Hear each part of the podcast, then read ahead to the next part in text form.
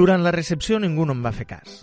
En rigor, va ser el mateix anfitrió qui em va obrir la porta i se'm va adreçar amb un amable «Es vol treure la gabardina?» Però vaig tenir la sensació que esperava una altra persona. Els convidats que havien arribat abans que jo em van saludar amb una encaixada de mans acompanyada d'expressions com molt de gust o encantat, però després van tornar a les seves converses interrompudes. Quan van servir a la taula, l'anfitriona va preguntar «Una mica d'ensalada russa?» Però vaig sospitar que no es tractava d'una proposta en un sentit seriós. Després de sopar, quan l'ambient es va fer distès i animat, vaig decidir oferir un cendrer a una de les senyores, però va resultar que no fumava. Vaig començar a explicar un acudit, però va arribar un convidat amb retard, pel que semblava important, perquè tothom es va alçar per saludar-lo i després ja ningú no va reclamar que acabés d'explicar-lo. De manera que vaig seure en un racó amb l'esperança que el meu aïllament voluntari intrigués els presents i em demanessin que m'unís a ells, cosa que no va passar. Per fi vaig decidir fer servir un mètode contundent, abandonar la reunió, o almenys expressar la intenció de fer-ho. Els anfitrions no van intentar retenir-me quan els vaig fer saber que uns assumptes urgents m'obligaven a anar-me'n abans d'hora. Encara que l'anfitrió va dir «Llàstima», no va precisar en què pensava, de manera que podia haver estat «Llàstima que s'hagi quedat tant de temps». Per la seva part, l'anfitriona va dir espero que es deixi caure per aquí alguna altra vegada. La qual cosa va sonar com si hagués dit espero que caigui per l'escala. La porta es va tancar darrere meu i em vaig trobar justament a l'escala.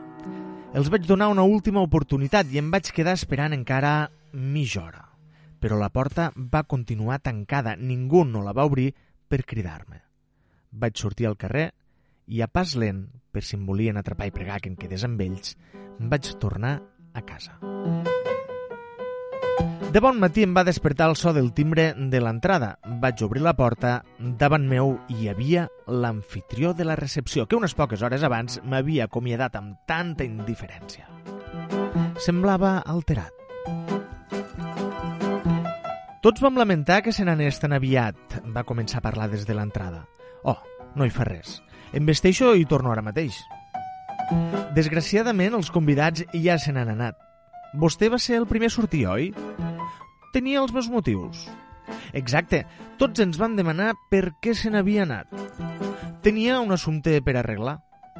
No hi ha cap dubte, però això em va cridar l'atenció a mi i a tothom. No es va parlar de res més que de vostè. De debò? Sí, n'hi havia que el volien anar a buscar, però vaig dir que ho arreglaria jo personalment. Després de tot, com a anfitrió, me'n sento responsable. Oh, és clar. M'alegro que estigui d'acord amb mi. Per què organitzar un escàndol? Arreglem-ho entre nosaltres, entre vostè i jo, sense testimonis. Molt bé. No sóc home que no sàpiga perdonar. Bé, doncs... Torni'm el rellotge. Quin rellotge? No és fàcil, Longuis. Vostè sap millor que ningú que un dels convidats li va desaparèixer el rellotge. I vostè pensa que el vaig robar jo? I qui si no? No només ho penso jo, ho pensa tothom. El vaig abraçar, tot i que resistia. No ho va voler celebrar amb mi i se'n va anar amenaçant-me d'avisar la policia. Malgrat tot, em sentia feliç. Sempre havia sabut que era algú. Però ara, per fi, se n'havien adonat. Thank you.